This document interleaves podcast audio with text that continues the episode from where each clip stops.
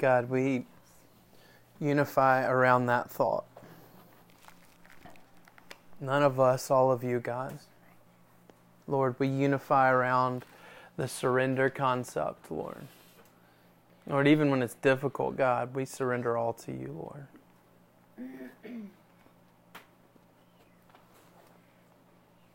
Father, I thank you. We do. We, we remember you. Lord, I ask for forgiveness that we don't remember you in powerful ways like this enough. Lord, I pray that you would stir deep in our spirits more often, just like you're stirring in our spirits now. In Jesus' name we pray. Amen. I could say amen on the day and go home, right? that was good. Um, I love that you're a peculiar people.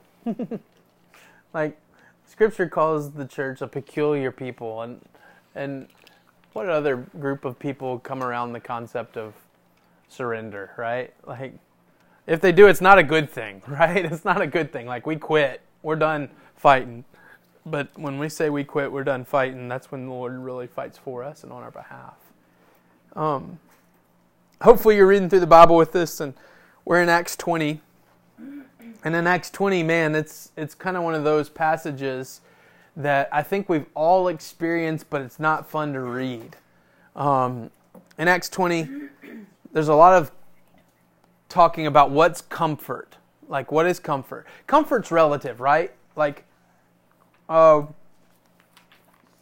uh, Clayton, you seem like you're the guy that has a chair. Do you have a chair or a spot you sit in? She's laughing. You must. Does he? Yeah. You have a chair. You have a cup? Okay. I think I have multiple cups, but I have a spot that I sit in because it's comfortable to me, right? Like, we find ways to be comfortable. One of the most frustrating things for me, I don't know why it, it like it triggers me every time. When Anne drives my car, one, Anne drives like old grandma, she gets as close as she can to the steering wheel if the airbag ever went off, it's going to be a bad thing, right? But so she drives my truck, and it's like a very small person's driving the truck, right? And so what do I do? Because I'm used to my routine when I hop in the truck after she's driven my truck, I slam my knee on the steering wheel because she's moved the seat up and all the mirrors are moved and like how did why what you pulled it to the edge of the driveway and then backed in like I don't like I don't understand the concept. It when something makes me uncomfortable. Let's talk about that for a minute. explain because we all have different emotions. When you're uncomfortable, explain the emotion that comes out. Extreme anxiety. Oh, that's a good one. Yeah. Like, what's going to happen? What's going to happen? When you're uncomfortable, Ella, what comes out? You're, uh, Ella's Ella's weird. we all know it. Ella loves being the different one. Yeah. Yeah. Um, so what else? I, I tense, tense. You know, like I kind of feel like that caged animal a little bit. Like unsettled. Yeah, unsettled. I get angry. Mm. Yeah, I think tense and anger kind of the same thing in my mind. Like, like I don't, unless I have someone to act out upon, I probably don't walk around yelling at everybody because there's nobody to yell at. So I'm just tense. But when I'm uncomfortable,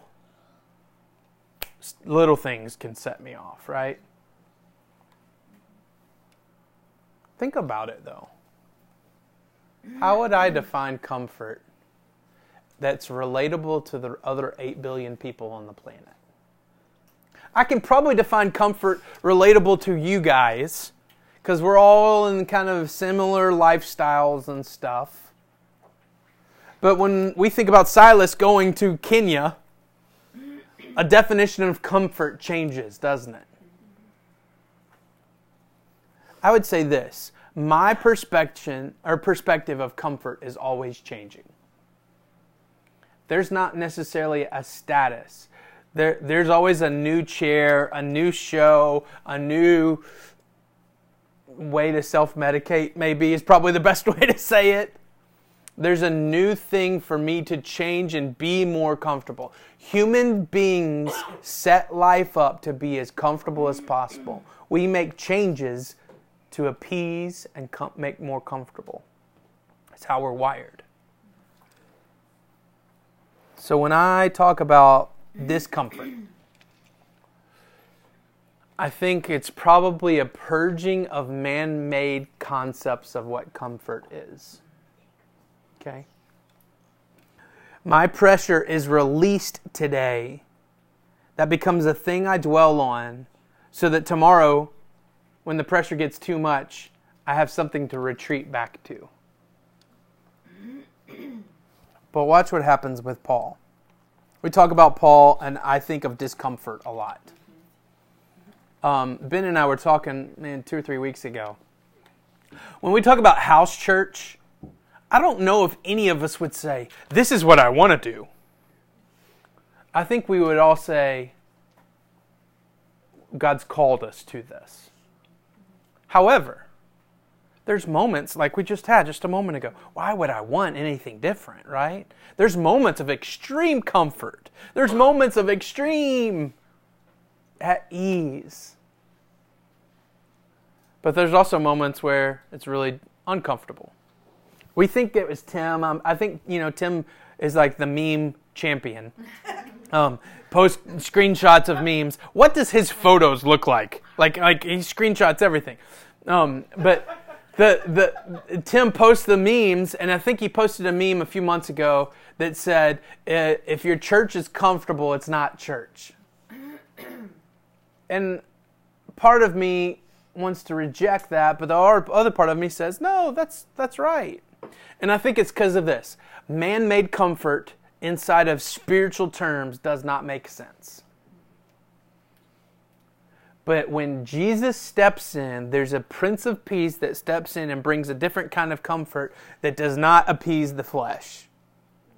So watch this. Acts chapter 20, verse 17.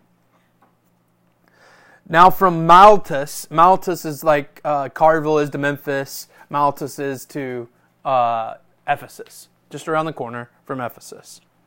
Malchus sent to Ephesus and called the elders of the church to come to him. So, uh, from Malchus, Paul is saying, Bring all the elders of Ephesus to me. And they came to him, and he said to them, You yourselves know that I've lived among you the whole time from the first day that I set foot into Asia serving the Lord with all humility, with tears, with trials that had happened to me through the plots of the Jews. How I did not shrink from declaring to you anything that was profitable and teaching you in the public and from house to house. Testifying both to Jews and to Greeks repentance towards the Lord and the faith in our Lord Jesus Christ. And now, behold, I'm going to Jerusalem.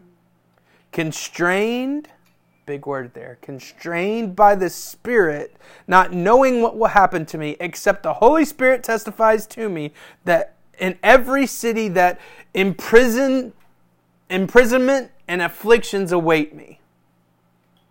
Let me stop there for a moment. Our lives must be an example of faith that has been tested. Life is hard and uncomfortable. I like to be comforted. When we live a life that is uncomfortable yet have peace inside it, that's peculiar. That's attractional.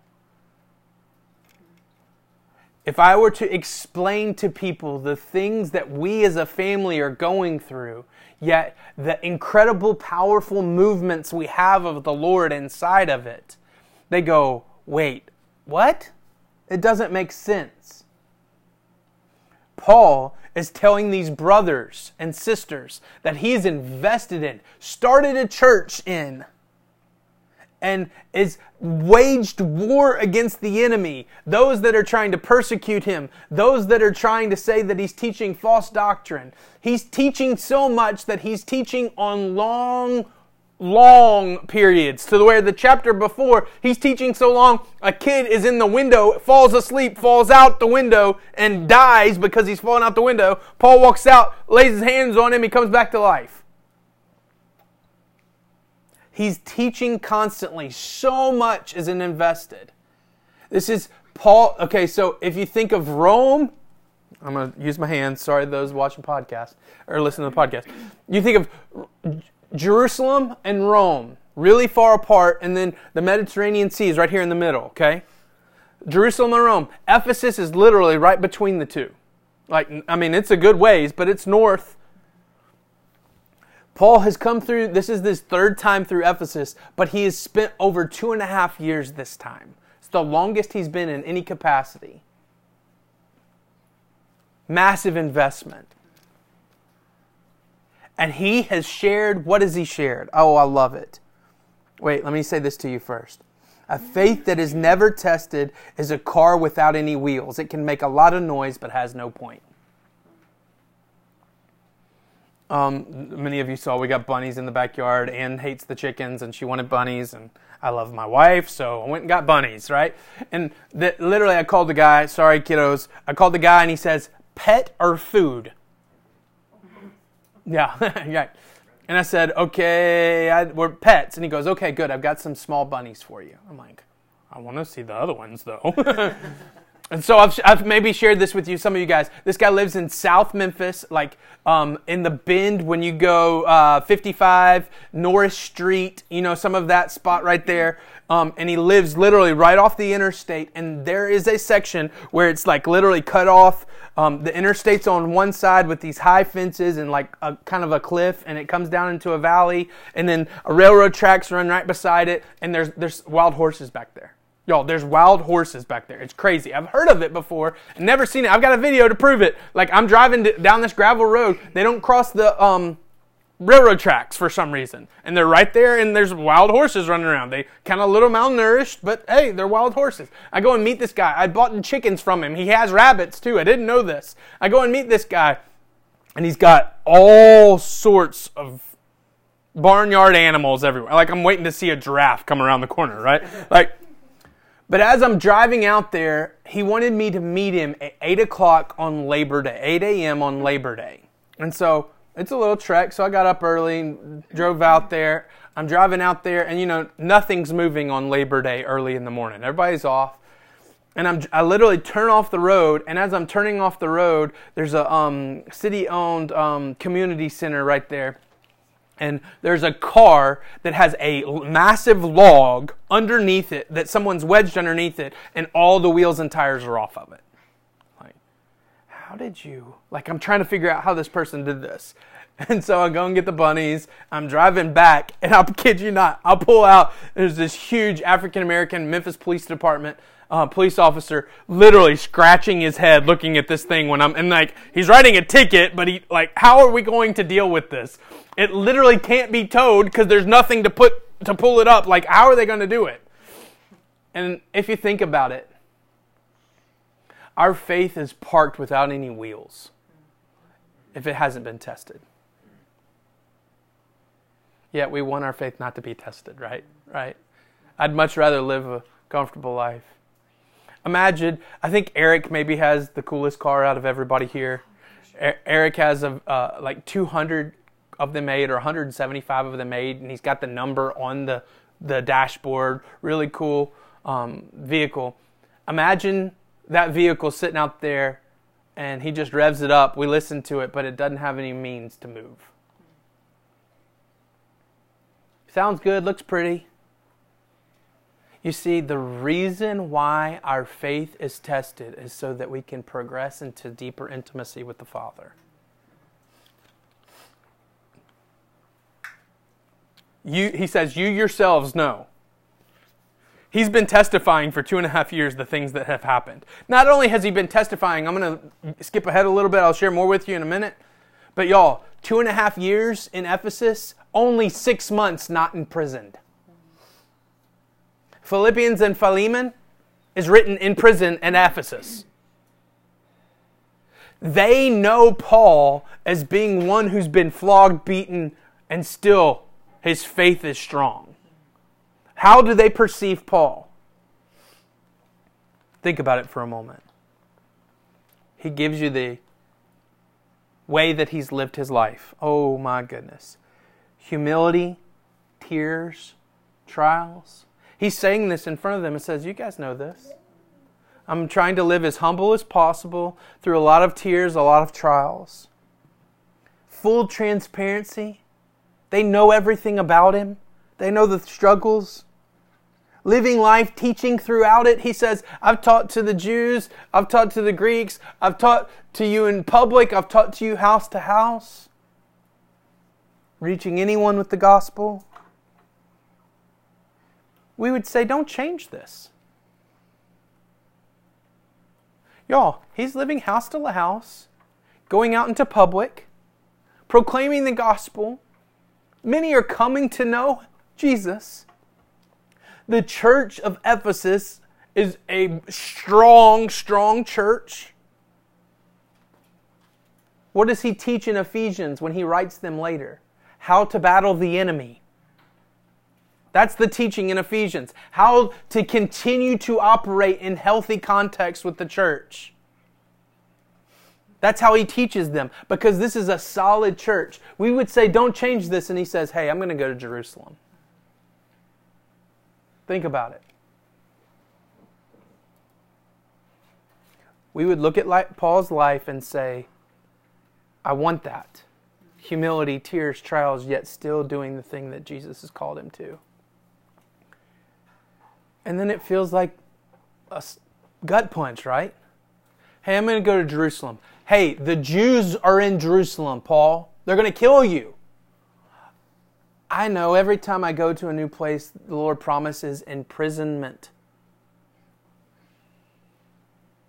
Think about it for a moment. Even while living a life suffering for the gospel, I can get comfortable. Ready? Full transparency. I feel comfortable. It's almost the knock on wood, oh Lord, please don't change anything right now. But in that moment, it feels like God becomes Santa Claus and I just become a kid hoping that He appeases my wants and desires. Yet I know the fruitfulness of God stirring the pot. I'll go ahead and share this with you. I've shared it with Ann, and Ann's like, oh, I don't know if we're ready for this. I don't think we're ready for it. I don't know the timing of it. But y'all, there'll be a moment when we outgrow what we do on Wednesday nights. And we have to split it into two houses where we have prayer in two houses and stuff. And everybody last in this person went, uh uh-uh, uh, don't do that. We don't need to change that. Hey, there will be moments, I pray, that many of you have fully stepped into the gifting God's given you, and we establish house churches in your neighborhoods.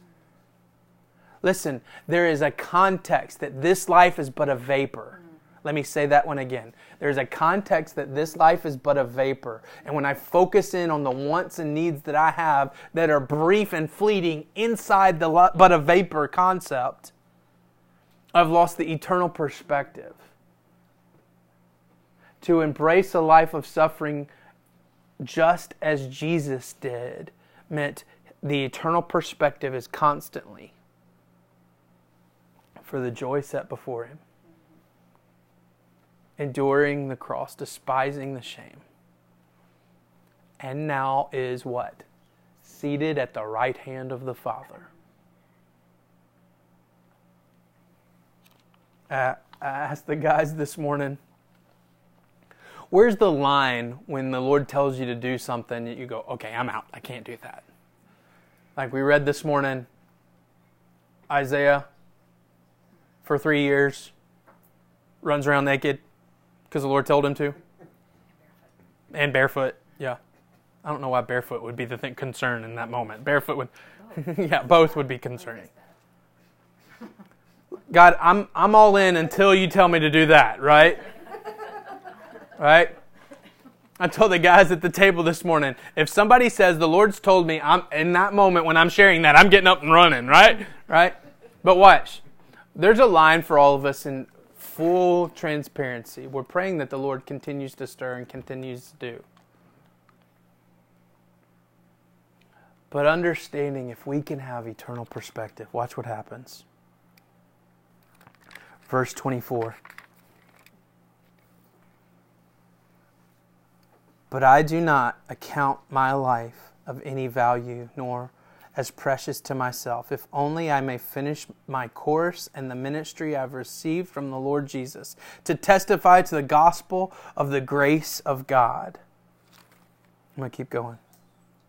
And now, behold, I know that none of you among whom I have gone out proclaim about proclaiming the kingdom of God will see my face again. This is the last time we see each other, is what he says. Therefore, I testify to you this day that I am innocent of blood of all, for I did not shrink from declaring to you the whole counsel of God. Pay careful attention to yourselves and to all the flock in which the Holy Spirit has made you overseers to care for the church, which he obtained through his own blood. I know that after my departure, fierce, wolves will come among you, not sparing the flock. And from among you, your own selves, will arise men speaking twisted things to draw away the disciples after them. Therefore, be alert, remembering for three years I did not cease day and night to admonish everyone with tears. And I now command you to God and to the word of his grace, which I is able to build you up and to give you the inheritance among those who are sanctified. Watch. Calling always trumps comfort with courage. I don't really know what's in front of me, but I do know what has happened to me in the past.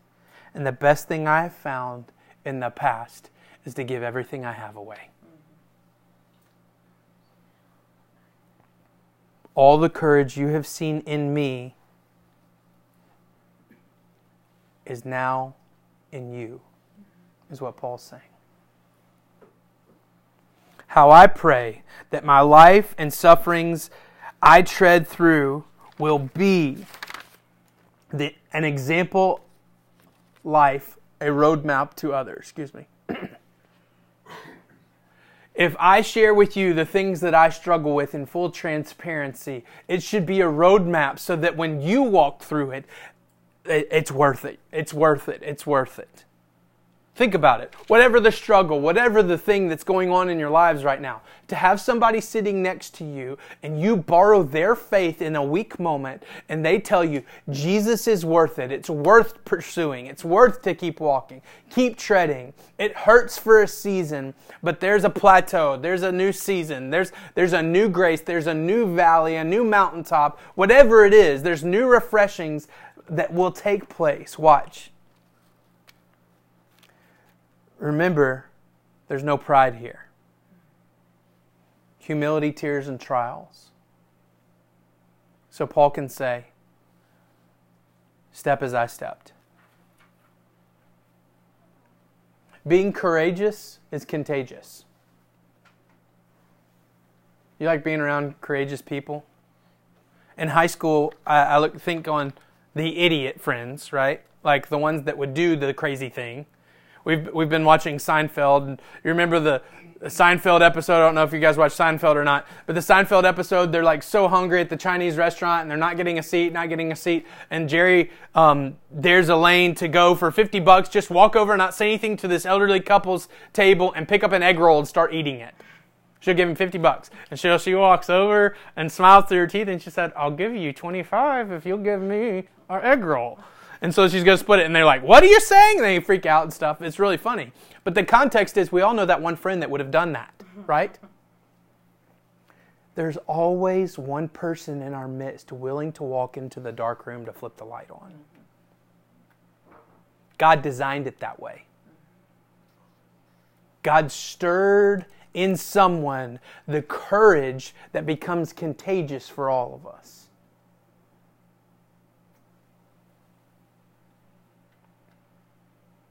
That's what happens when I stop talking and one of you shares something that God's doing in your heart. We all lean in.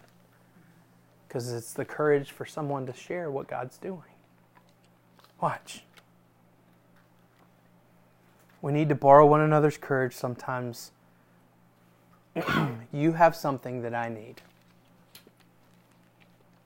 Think about it. If I were to come to you and knock on the door at 10 o'clock at night and say, Hey, I'm really sorry. I know I'm interrupting you guys heading to bed or whatever it is, but I need. You might go, ah, get out of here, Ryan. but most of you would, I know we would do the same for you. What do you need? Tell me what you need. And I'm telling you, there's something that you have that I need. You have a courage in you that I need. I have a courage in me that you need. God designed community that way so that we don't live life alone. There's a stirring deep inside someone in this moment that has something that God's doing in them that's for someone else. That's the reason why I tell you we don't invite people to church, we invite people to one another.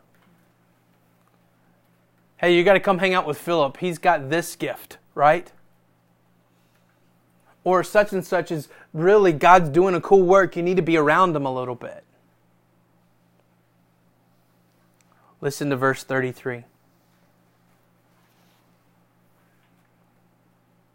Paul says, I coveted no one's silver or gold or apparel. He lived there three years, y'all. You yourselves know that these hands ministered to my uh, necessities and to those who were with me.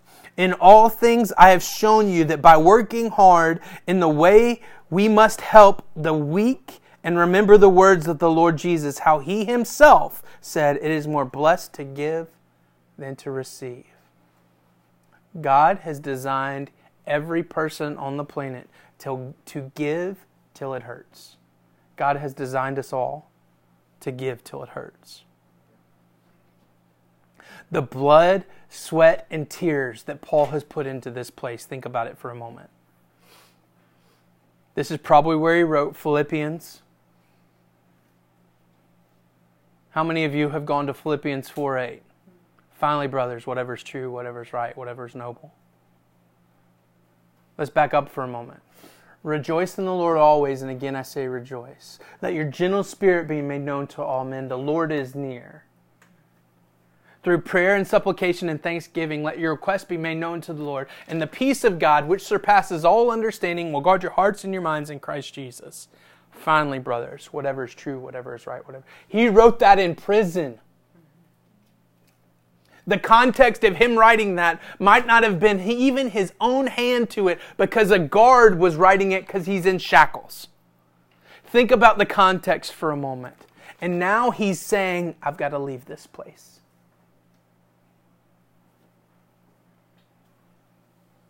This is the most violent, too. He receives more beatings in Ephesus than he does anywhere else.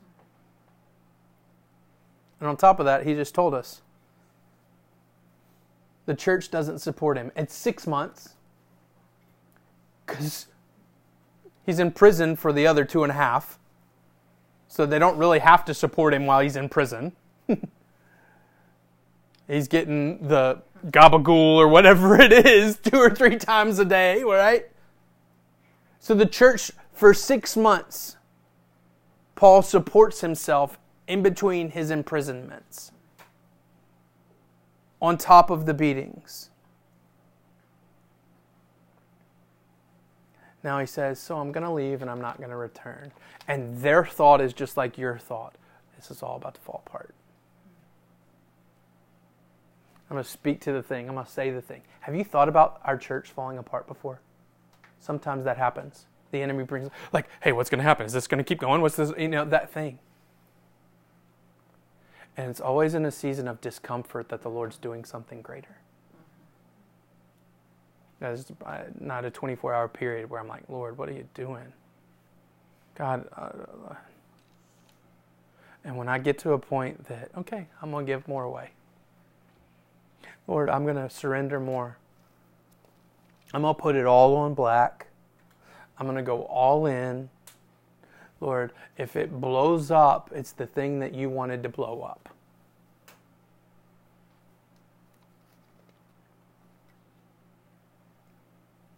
Paul gave not just blood, sweat, and tears, but he gave his freedom. He knew he was going to be imprisoned.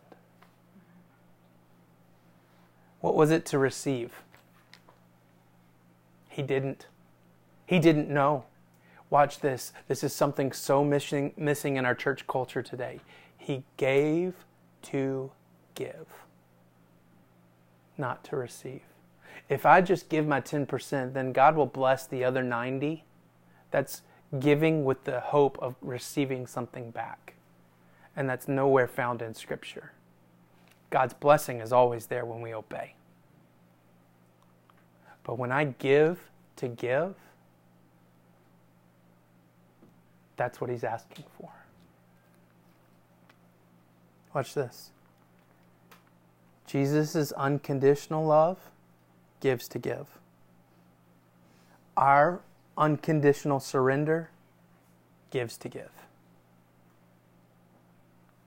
So I'm going to ask a question that might have to do with money, but most likely doesn't have anything to do with money. What do you have to give? There's something that is very comfortable in your life. I'm going to use David as an example, and he's not going to like this. The Lord, for how many months? Since January? Uh, Jan- yeah, January, February. The Lord keeps illuminating things in David's life and says, Give me that. So, right now, David doesn't have a TV, no DVDs, nothing to watch at home all the other comforts God's taken away. And then he put Dominic in there too.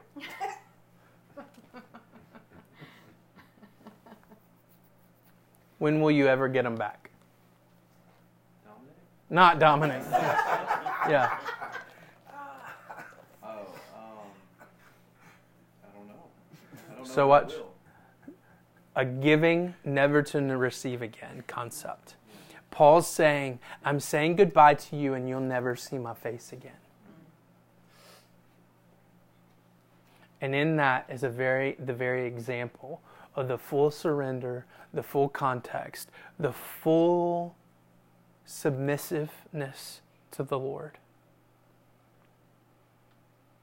And they're going, Paul, you're going to die. That's really literally the rest of the chapter. If you go to Jerusalem, they want to kill you. And you're the thing going for us right now. We've got all these churches planted because of you. And he's going, uh uh And he goes to Jerusalem and literally walks up and says, Let's go. Let's talk. Think about the context. If I live life uncomfortable, yet knowing I'm fully in the middle of God's will, I've got courageous courage. the bravest courage there could be. I can walk into dark rooms and flip the light on. I can walk into dark places and say, Jesus is territory.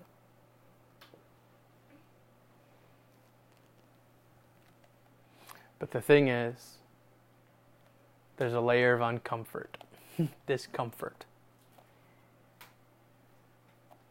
that we have to step into.